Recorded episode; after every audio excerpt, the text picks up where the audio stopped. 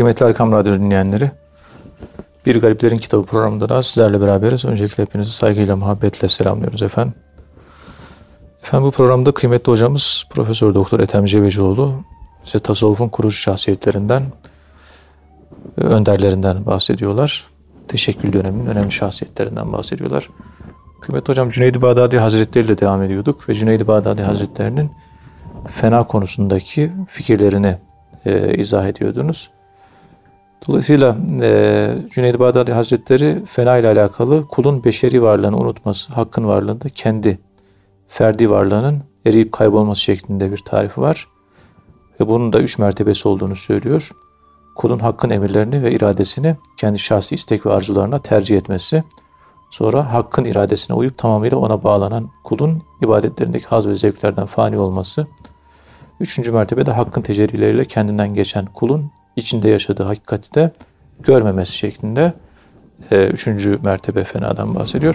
Dilerseniz e, bu fena mertebelerini izah ederek Cüneyd-i Bağdadi Hazretleri'nin o fena nazariyesiyle alakalı e, bununla başlayabiliriz kıymetli hocam. Buyurun Sayın Hocam. Euzubillahimineşşeytanirracim. Bismillahirrahmanirrahim. Elhamdülillahi Rabbil alemin ve salatu ve selamu ala Resulina Muhammedin ve ala alihi sahbihi ecmain ve bihi nesta'in. Muhterem dinleyenler, hepinizi sevgilerimle, saygılarımla selamlıyorum. Cenab-ı Allah hepimize son nefeste imanla ölebilmeyi nasip eylesin. Amin. Yani hayatı yaşıyoruz. Bakın görüyorsunuz. Yaşıyoruz. Ama günahsız bir insan görmedik. Peygamberlerde bile zelle var.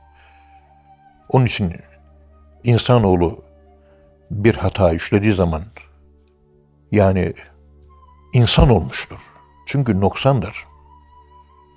Ve o hatadan, noksandan dönebilmesi de süper insandır.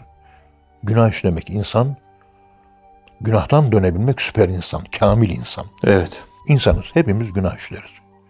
Benim de günahım var, senin de hepimizin günahları Hepimizin. var. Allah affetsin. Amin. Küçüklü, büyüklü, az, çok. Ya boynumuz bükük. Bunun farkındalığı. Ben işlemem, ben günah işlemem diye bir şey olay yok. Günah Allah'a yaklaştırıyor ama O kadar. kibir uzaklaştırıyor şeklinde bir Yani sufi şimdi sözü o Hz. Musa Tur Dağı'na çıkarken hiç günah işlememiş insan kıssası anlatılıyor. Hiç günah işlememiş insan kıssası. Evet.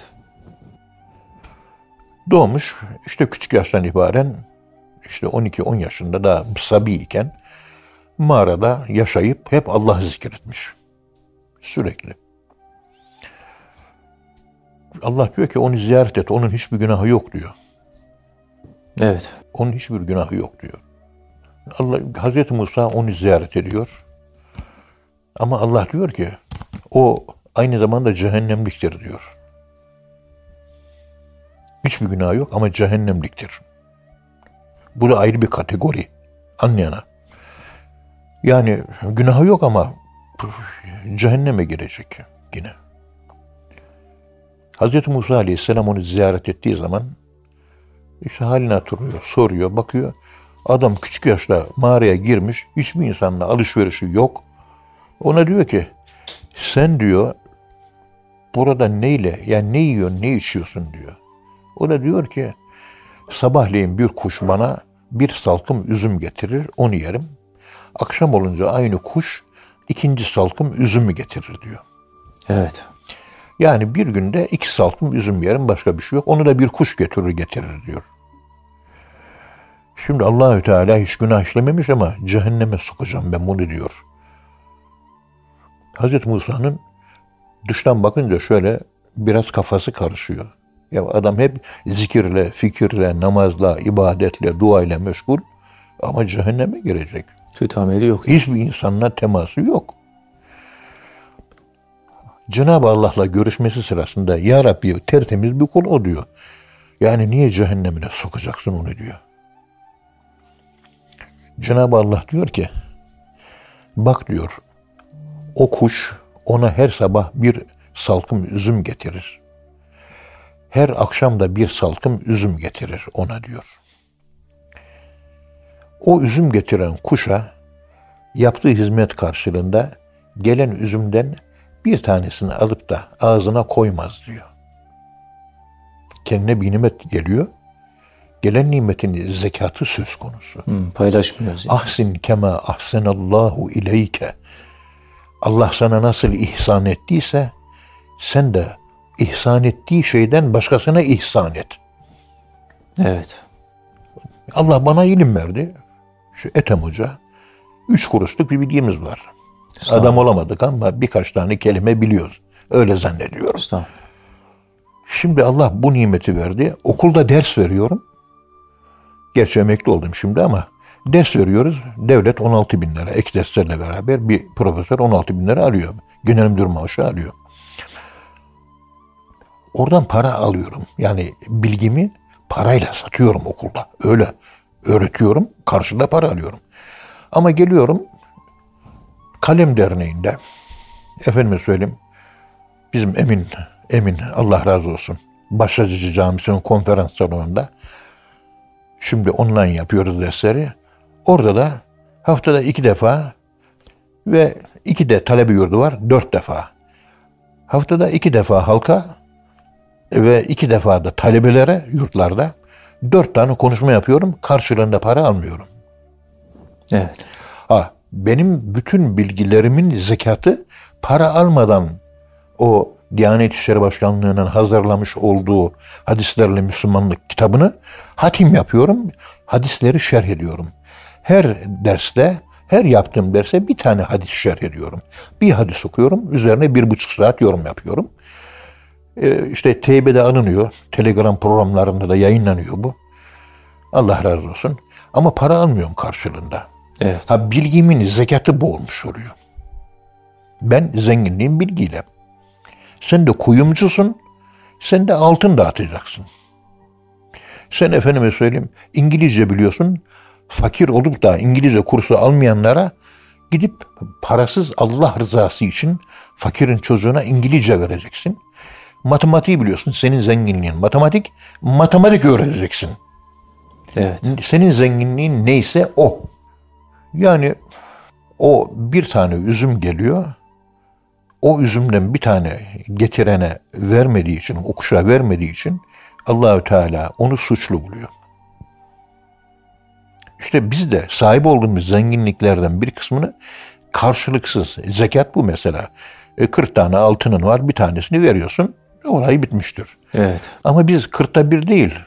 Biz de Ahmet Yesevi yolundan gidiyoruz. Hacı Bektaş Veli, Hacı Bayram Veli, Şah-ı Nakşibend Hazretlerinin yollarından gidiyoruz. Biz 40'ta 2 vermemiz lazım. 40'ta 2. Evet. Yurt dışında görev yapıyor talebem. İşte e, 1600 lira veya 1400 euro para alıyor. 14 bin lira. Buradaki maaşı da 5 bin lira, 20 bin lira. 20 bin lira karşılığı e, bir 500 lira eder. Evladım sen bunun e, 500 lirasını zekat olarak her ay dağıt. Evet. İkaz ediyorum talebemi. 500 lira yerine 300 lira dağıtıyor. Yavrum 300 olmaz 500 ver. Ama bakıyorsunuz Erzurumlu İbrahim Hakkı'nın dediği gibi alnı dar. Sıkıyor. Evet. 500 yerine 300. 300 değil yavrum 500. Sen bir de dervişsin. 500 değil 1000 vermen lazım. Tam Türkçesi bu. Halk için 40'ta birdir. Havas için en az 40'ta 2. İşte Kanuni Sultan Süleyman Han Hazretlerinden beri Topbaşı ailesi 40'ta 5 veriyor. Ve çok büyük bir paradır bu. Kolay değil. Evet. Biz hiç olmazsa 40'ta ikisini vermeye çalışalım. Yapıyor muyuz bunu? Etrafımızdaki öğretim üyesi arkadaşların hiçbirisi yapmıyor bunu. Böyle bir şey aklına da gelmiyor. Yok aklında böyle bir şey, böyle bir kavram yok. Allah'ın bana verdiğinden başkasına fazla fazla vermek. Kırkta bir mi ya Rabbi? Kırkta bir ama kırkta iki. Hazreti Ebu Bekir radıyallahu anh malının tamamını verdi. Esas zekat budur işte. Zekatın özü, hakikati, arke, arkaik, gerçek. Zekatın hakikati bu. Ne verdi? Hiçbiri senin değil. Allah'ın. Emanet. Emanetse olduğu gibi başkasına ver. Sen Allah seni fazlından bereketle zenginleştirir. Seni gıdalandırır, rızıklandırır. Korkma Allah yardımcındır. Öyle diyor peygamberimize. Aleyhisselatü vesselam.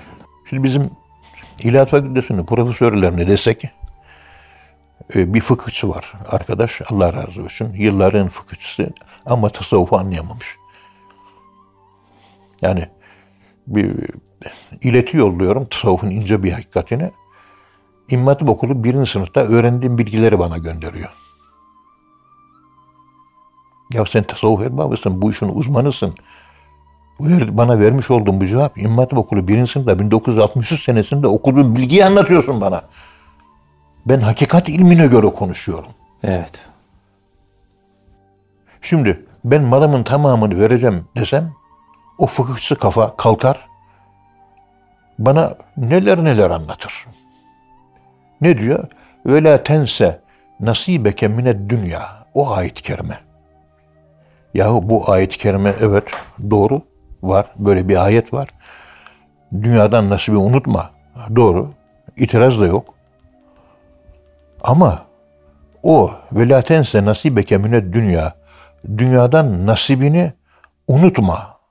Dört tane tefsirde dört tane tefsirde dünyadan nasibimizin ne olduğunu anlatıyor.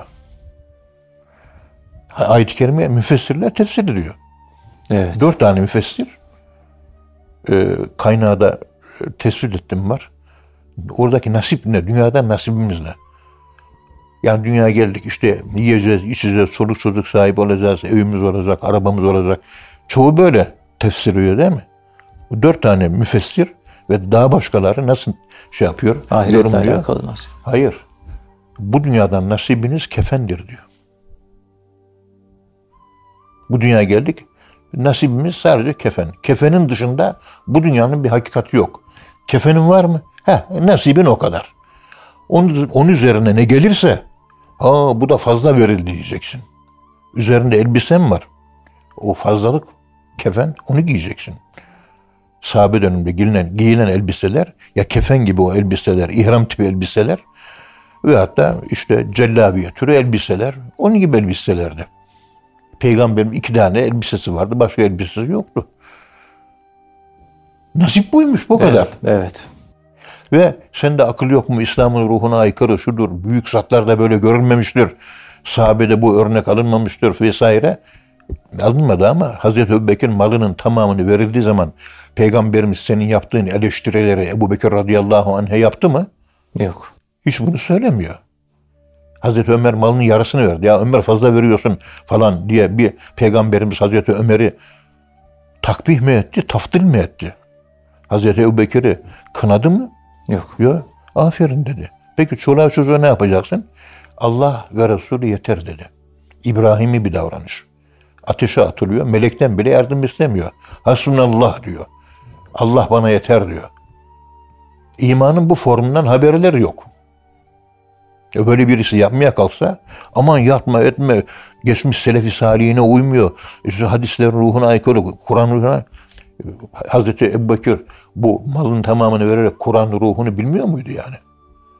Ve niye sahabe-i kiramın birincisi o? Bütün ümmetin imanı bir terazi kefesine konsa, öbür kefeye de Hazreti Ebu Bekir'in imanı koysa, Hazreti Ebu Bekir'in imanı bütün ümmetin imanını tartar mı? Tartar. Bilakis imanın en zirvesiymiş. Niye bunları konuşmuyorsun? Evet. Tasavvufi seyir sülük geçirmiş. Fıkıh hocası bile tasavvufu anlayamıyor. Tasavvufu anlayabilmiş değil. Fikri eserler, fikri konularda kalem yazıyor bilmem ne falan. Türkiye'de de kitap makaleleri okunan önemli bir şahsiyet. Derviş adam. iyi, hoş, güzel, tamam. İşte beraber gördük. Bizimle bir konu, ikimiz de bir konuşma yaptı. Sohbet ettik. Ya adam tasavvufu bilmiyor. Şaşırdık kaldık. Ya kalemiyle Türkiye'yi oynatan bir adamsın sen. Evet. Tasavvufu bilmiyor. Bir tasavvuf anlattı bize. Ya ben 50 yıllık tasavvuf hocasıyım. Okumadığım kitap kalmadı benim. Benim o okuduğum o nazariyat tasavvufuna ve hatta ameliyat yani pratik ve teorik tasavvufa hiç uymuyor. E, tasavvuf budur. Değil ya. Tasavvuf değil.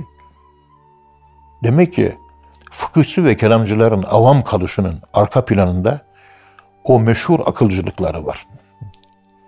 akıl ötesinde bir ölçüleri yok. Akıl evet bir ölçüdür. Ama akıl ötesi bir ölçü daha var. İşte Hazreti Ebubekir o ölçüye uydu. Ve en büyük sahabe oldu o sayede. Zekat demek malının tamamını vermek demektir. Hakikati budur. Ötesi yok.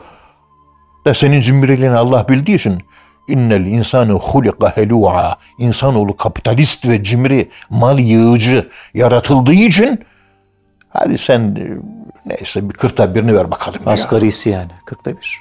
Yani sınır. Sen bir dervişsin. 40'ta 2 vereceksin. 40'ta 2 de yetmez. Uzun yıllar hala da öyleyim. Allah'a şükürler olsun. Aldığım maaşın 40'ta ikisini muntazaman veriyorum. Bazen 40'ta 5'i tutturduğum da oluyor. Arada bir. Ama Ethem Hoca bu yeterli mi? Yetmiyor. Yeterli değil.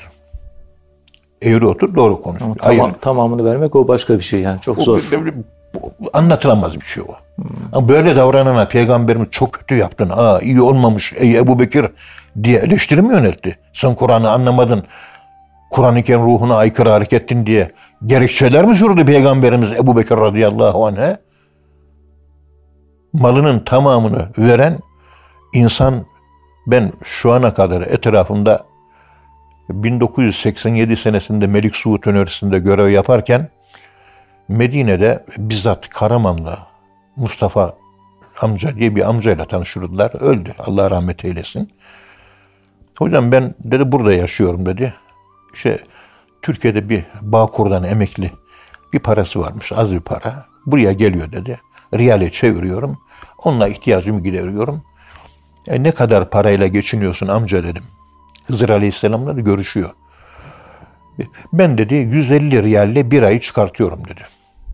Anlattı. Ne satın aldığını ne 150 riyal yetiyor.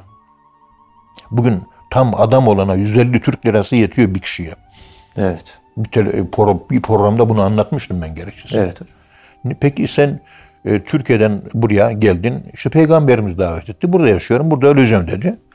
O Erzurum Ribat'ında yaşıyordu mübarek zat. Allah rahmet. 87 senesi. Yani 35 sene önce yaklaşık. 40 seneye yakın oldu. Ne, ne yaptın dedin Karaman'da? Hocam ben dedi e, iki tane bahçem var dedi. Dört tane evim var dedi. Ondan sonra bir gayrimenkullerim, e, dükkanlarım vardı dedi. Efendim söyleyeyim böyle bir ticaretim vardı. Bunların hepsini Kur'an kursuna, İmam Hatip okuluna, fakirlere, fukara bağışladım. Tek bir şey kalmadı bana. Bir tek o emekli olmuşum dedi. Emekli devlet bana Bağkur'dan şu kadar para veriyor. Buraya geliyor işte 8100 riyal ediyormuş. 150 riyaline karnımı doyuruyorum. Geri kalanı sadaka olarak veriyorum dedi. Allah Allah. Bir, bir bu adamı gördüm ben.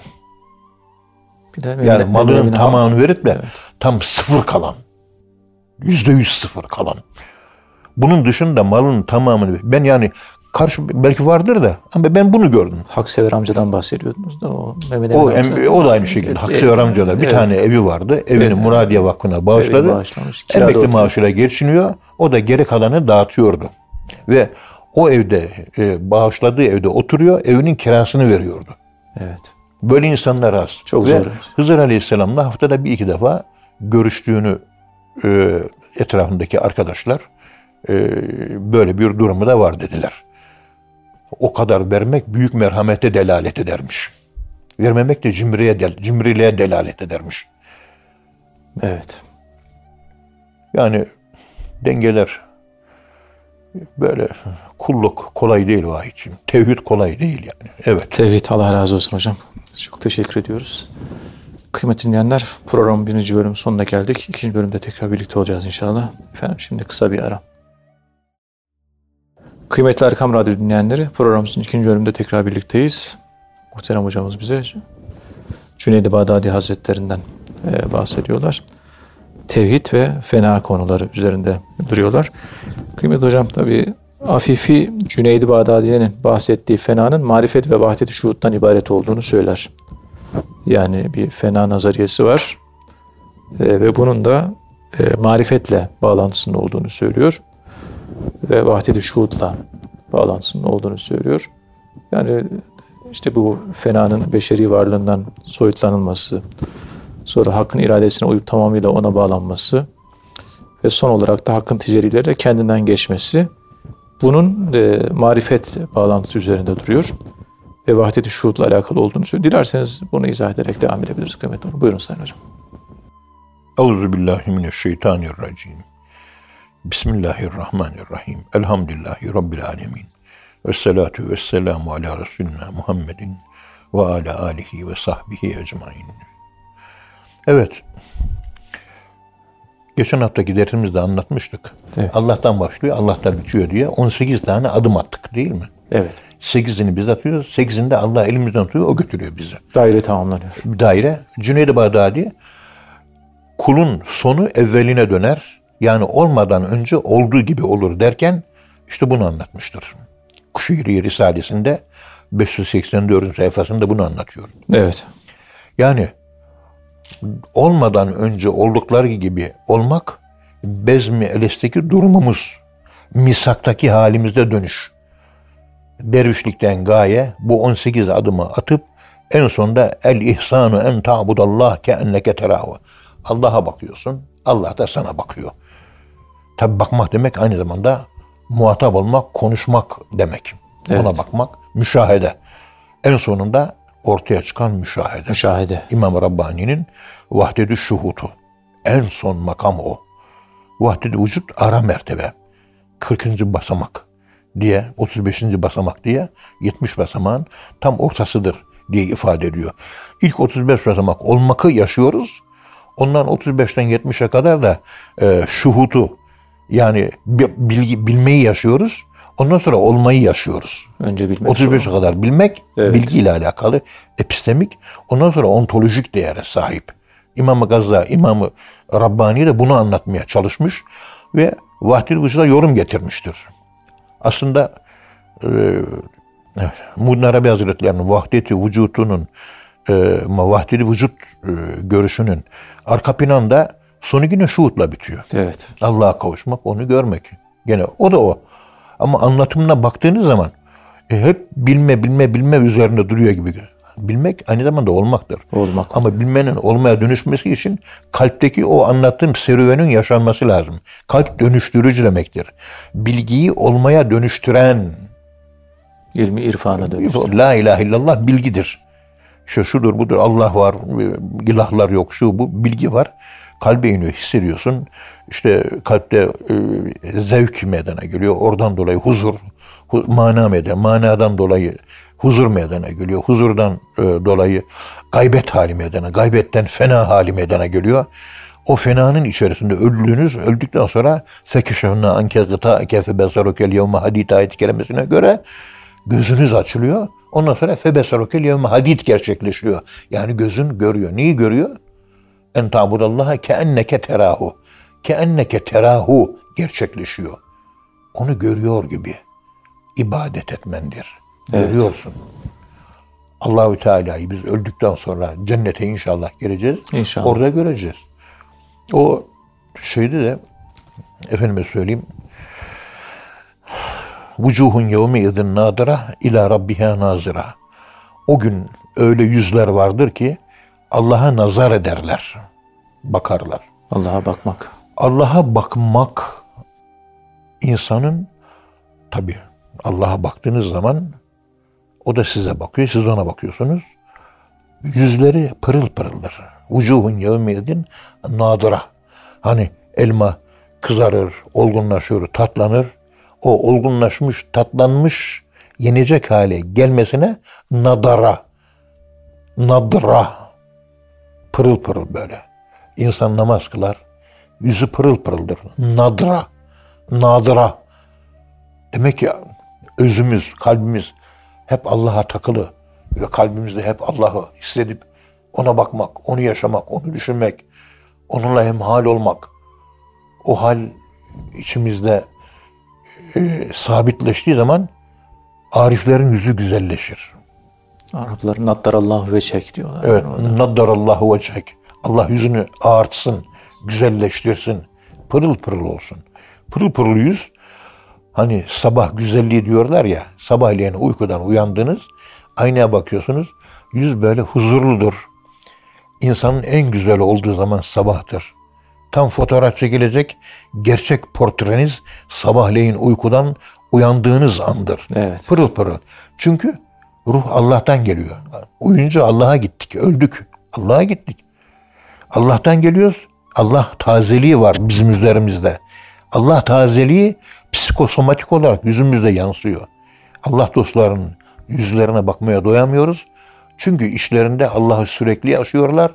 Allah tazeliği yüzlerine sabah olarak yansıyor. Nitekim Araplar yüzü güzel olanlara sabihul vecih derler. Evet. Yine sabah kelimesini kullanıyorlar. Güzel yüzlü. Güzel. Sabihul vecih. Sabah kelimesi.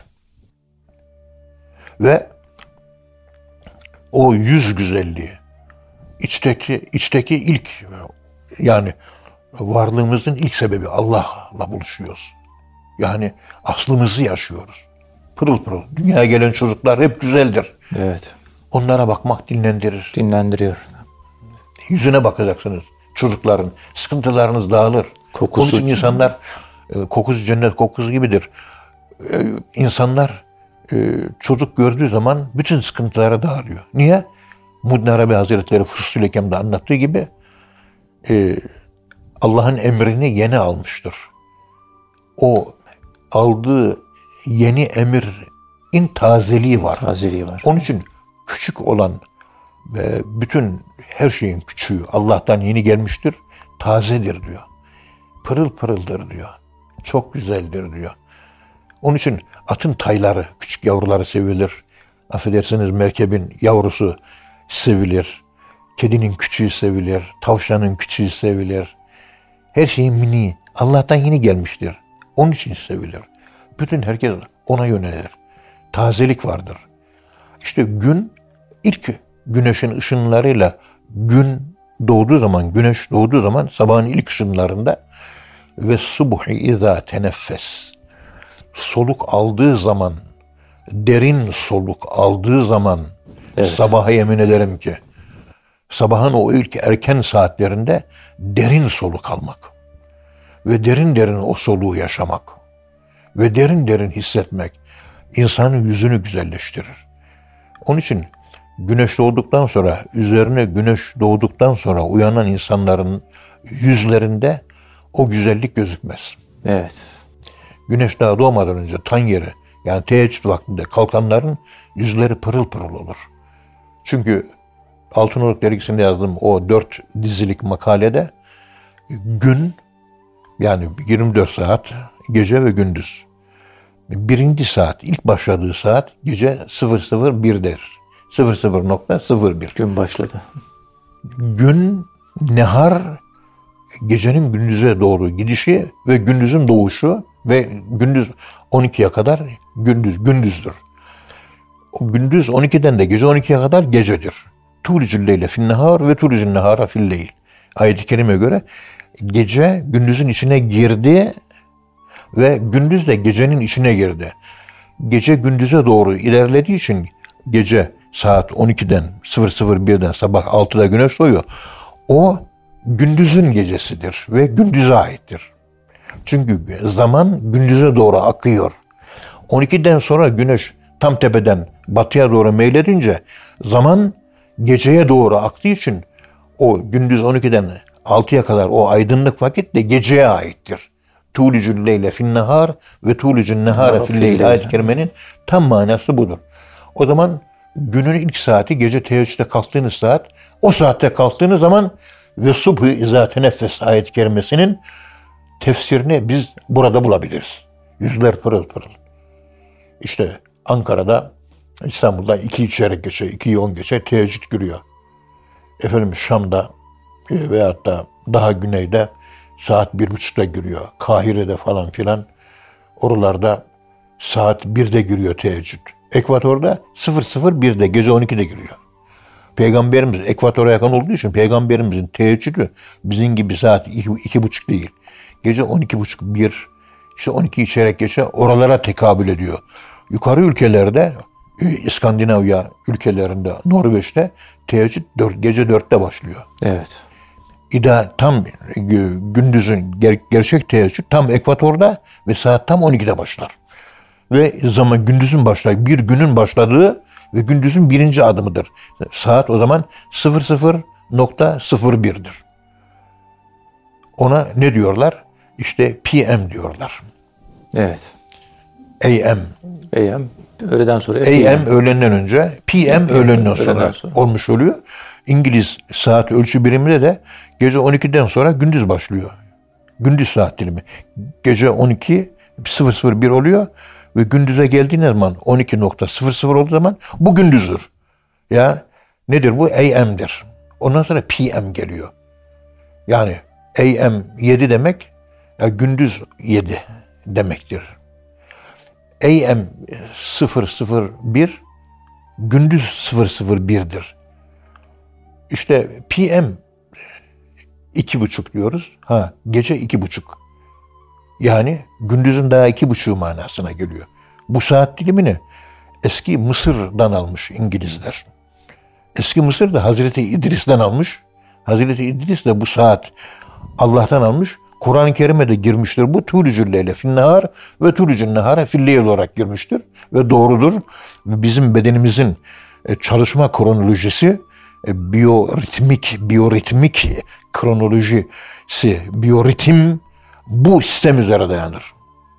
Evet. Sabah deyince bizimkilerin hepsi sabahleyin güneş altı doğuyor. O zaman başlıyoruz ben. Değil yavrum. Gece 00.1'de o zaman uyanacağız. Peki uyku? Uyku yatsıyı kılar kılmaz. Bu biyoritme uyarsanız vücut daha sağlıklı oluyor. Evet. Peygamberim yatsıyı kılar kılmaz hemen yatardı. Buyurun hadisleri okuyun. Kaçta? 8'de, 7, 7 buçuk namaz bitiyor. Yatıyor, 12'de kalkıyor. Ondan sonra bir daha da uyumuyor. Bunları hep iyi düzenlemek lazım. Neyse yani anlatmak istediğim burada konuyu fazla dağıtmış gibi olduk. Ee, yaratılıştaki ilk noktaya gelmek. Allah'tan başladık. Daire tamamlandı ve ilk noktaya geldik. Daire tamamlanıyor. Ee, Bezmi Eles dedikleri bu misak olayını e, bu şekilde bir insan yaşaması fena makamının sonucu oluyor. Kulun sonu evveline dönüyor yani. Evveline dönüyor ve orada Allah'la karşı karşıyayız. Allah bizle konuşuyor. Konuşmazsa bizim ona bakmamız, onun da bize bakmazsa. Olmadan önce olduğumuz en gibi. En ta'budallaha ke enneke terahu fe inlem tekum terahu fe innehu yarake yani ihsan mertebesi. Tasavvufun hedefi de budur. Tekrar yaratıldığımız ilk asla insanı taşımaktır. Tasavvufi terbiyenin sonucu budur. Ve sürekli Allah beni görüyor. Ben de ona bakıyorum. O zaman yaptığım hareketler, konuştuğum sözler hepsi ölçülü, tartılı, biçimli, formlu, kaliteli, kurallı olmaz mı? Evet olur. İşte yanım Allah'ta yaşamak, Allah'la beraber yaşamak insanda Muhyiddin Arabi Hazretleri çok güzel anlatmış. Haya duygusu uyandırır diyor. Murakabe sonucunda insan Allah benimle sürekli beraberdir duygusuna ulaşır. Bu duyguya ulaşan insanda utanmak olur diyor. Evet. Allah beni görüyor. Ben bu fiili yapamam diyor. Evimde baş başa oturuyorum. Evimde çırıp çıplak oturamam. Çünkü çırılçıplak oturursam beni gören bir Allah var. E bu noktada Allah sizi görmüyorsa her türlü günah işliyorsunuz. Utanmak yok. İf'al ma fe inlem testahyi if'al fef'al ma şi'te. Utanman yoksa istediğini yap. Utanmak neden? Beni kimse görmüyor. Utanacak kimse yok. Allah görüyor. O Allah dostlarından birisi e, İbni Hadravi olacak galiba. Tam aklımda kalmıyor. Yaşlandım ya özür dilerim. Böyle bir kadıncağızı görüyor. Kadıncağız gidiyor ama bir yere zina yapmaya gidiyor. Gecenin karanlığında. İbni Hadraveyh de e, namaz kılıyor. Namaz kılarken selam veriyor. O kadını görüyor. Nereye gidiyorsun diyor. Hiç sorma diyor. Anlıyor tabii İbn Hadraveyh. Ya diyor sen diyor gidiyorsun ama yani seni bir gören yok mu diyor. Kadın var diyor. Bak gökte şu yıldızlardan başka bir şey yok diyor. Bak şu yıldızları görüyorsun. Beni gören sadece bu yıldızlar diyor. Be kadın diyor. O yıldızların Rabbi seni görmüyor mu diyor. Seni Seni gören yıldızları görüyorsun. Yıldızlar görse görmese ne olacak? Ben zinayı yaparım. İbn Hadr Hadraevit diyor ki o yıldızların Rabbi seni görmüyor mu diyor. Kadın ondan sonra anlamış konuyu. Evet. Haklısın diyor. Yıldızlar görse ne olur, görmese ne olur. Ama yıldızları yaratan Allah yapacağım bu kötü işi görürse çok utanırım ben diyor. O halde vazgeç diyor. Ve vazgeçiyor. Böyle günah işliyor. Sık sık bu anekdotu, motto ifadeleri, e, klişe ifadeleri kullanmaktan hoşlanıyorum biraz. İnsanın beynine tokat atmış gibi oluyor. O Ömer Tümete'nin Allahsız Müslümanlık adlı kitabında anlattığı gibi. Yavrucuğum sen ne yapıyorsun? Hocam ben içki içiyorum. Yavrucuğum Allah görüyorsa içemezsin. Ama görmüyorsa içebilirsin. Bu sözümün üzerine sen yine içmeye devam edecek misin? Hocam ben yani içmeye devam edeceğim diyor. E, o zaman seni Allah görmüyor. Yani Allah yok. Yani sen bir ateistsin. Tanrı tanımazsın. Evet. İç. Çünkü senin Allah'ın yok. Ben içemem. Benim Allah'ım var. Beni görüyor. Gördüğü için ben içemem. Seninki senin Allah'ın görmüyor. Çünkü yok. Olmayan bir Allah görmez ki. Allah yok. İçkini iç yavrum. Zina yapıyorsun. Yapabilirsin. Çünkü Allah yok ki. Olsa utanırdın. Yapamazdın. Dedikodu yapıyorsun akşama kadar WhatsApp'larda, bilmem Twitter'larda, sosyal medyada, Facebook'ta durmadan böyle dedikodular değil mi yapıyorsun? Yap. Evet. Ama Allah yok.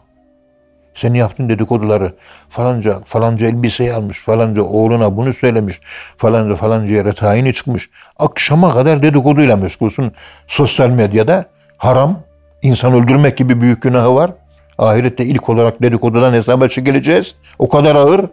Ama Allah yok. Dedikodu yapmaya, o WhatsApp'larda, sosyal medyada e, konuşmaya devam et. Problem yok. Yani Allah yok çünkü. Olmadığına göre problem yok. Haşa. Konuş. Serbestsin. Günah işlemek Allah'ın inkarı manasına geliyor. Bir yönüyle. Aktüel ateizm diyoruz biz buna. Batılı dilde. Yani kalbin ve dilin Allah var diyor ama vücut organları yok diyor. Buna aktüel, davranışa bağlı ateizm, Ateizm. deniliyor. Tabi bunlar anlayanlara göre ifadeler. Evet. Anlamayanlara söyleyecek herhangi bir lafımız, herhangi bir sözümüz yok. Savuttaki tevhid üç aşağı beş yukarı bu konuları içerisinde bulunduruyor. Şimdi buradaki ifadeler e, yumuşatarak ben anlatıyorum. Evet. Allah Direkt olsun. teknik anlatsak yani fakültede fa- talebelere anlattığım gibi teknik derinliğiyle, teknik boyutuyla anlatmaya kalksak e, dinleyici genel olduğu için hani Evet. genele hitap edildiği için e, anlaşılmadık bir dil kullanacağız. Anlaşılmadık dili konuşmaktan da Allah'a sığınırım. Konuşuyorsun, nefes boşa gidiyor, kimse anladığı yok. Evet. Onun için farkındaysan konu, teknik soruyu soruyorsun, teknik konuyu basite irca etmeye çalışıyoruz. Herkesin anlayacağı Bu şekilde. dili herkes anlayabilir Evet. ki e, herkesin anlayabildiği bu dil dahi e, kendi içinde yine bazı anlaşılma zorluklarını taşıyor. Hocam konuşuyorsun ama bazı yerleri anlamıyoruz diyorlar. Halbuki bu kadar da açtığımız halde. Burada teknik dili kullanmıyoruz. biz. Evet. Kuşehir'in teknik dilini kullansak dinleyici anlayamaz. Anla- Evet hocam. Allah razı olsun hocam. Teşekkür ederim. Kıymetli dinleyenler hocamıza çok teşekkür ediyoruz. Efendim bir programın daha sonuna geldik. Bir sonraki programda buluşuncaya dek hepinizi Allah'a emanet ediyoruz. Hoşçakalın efendim.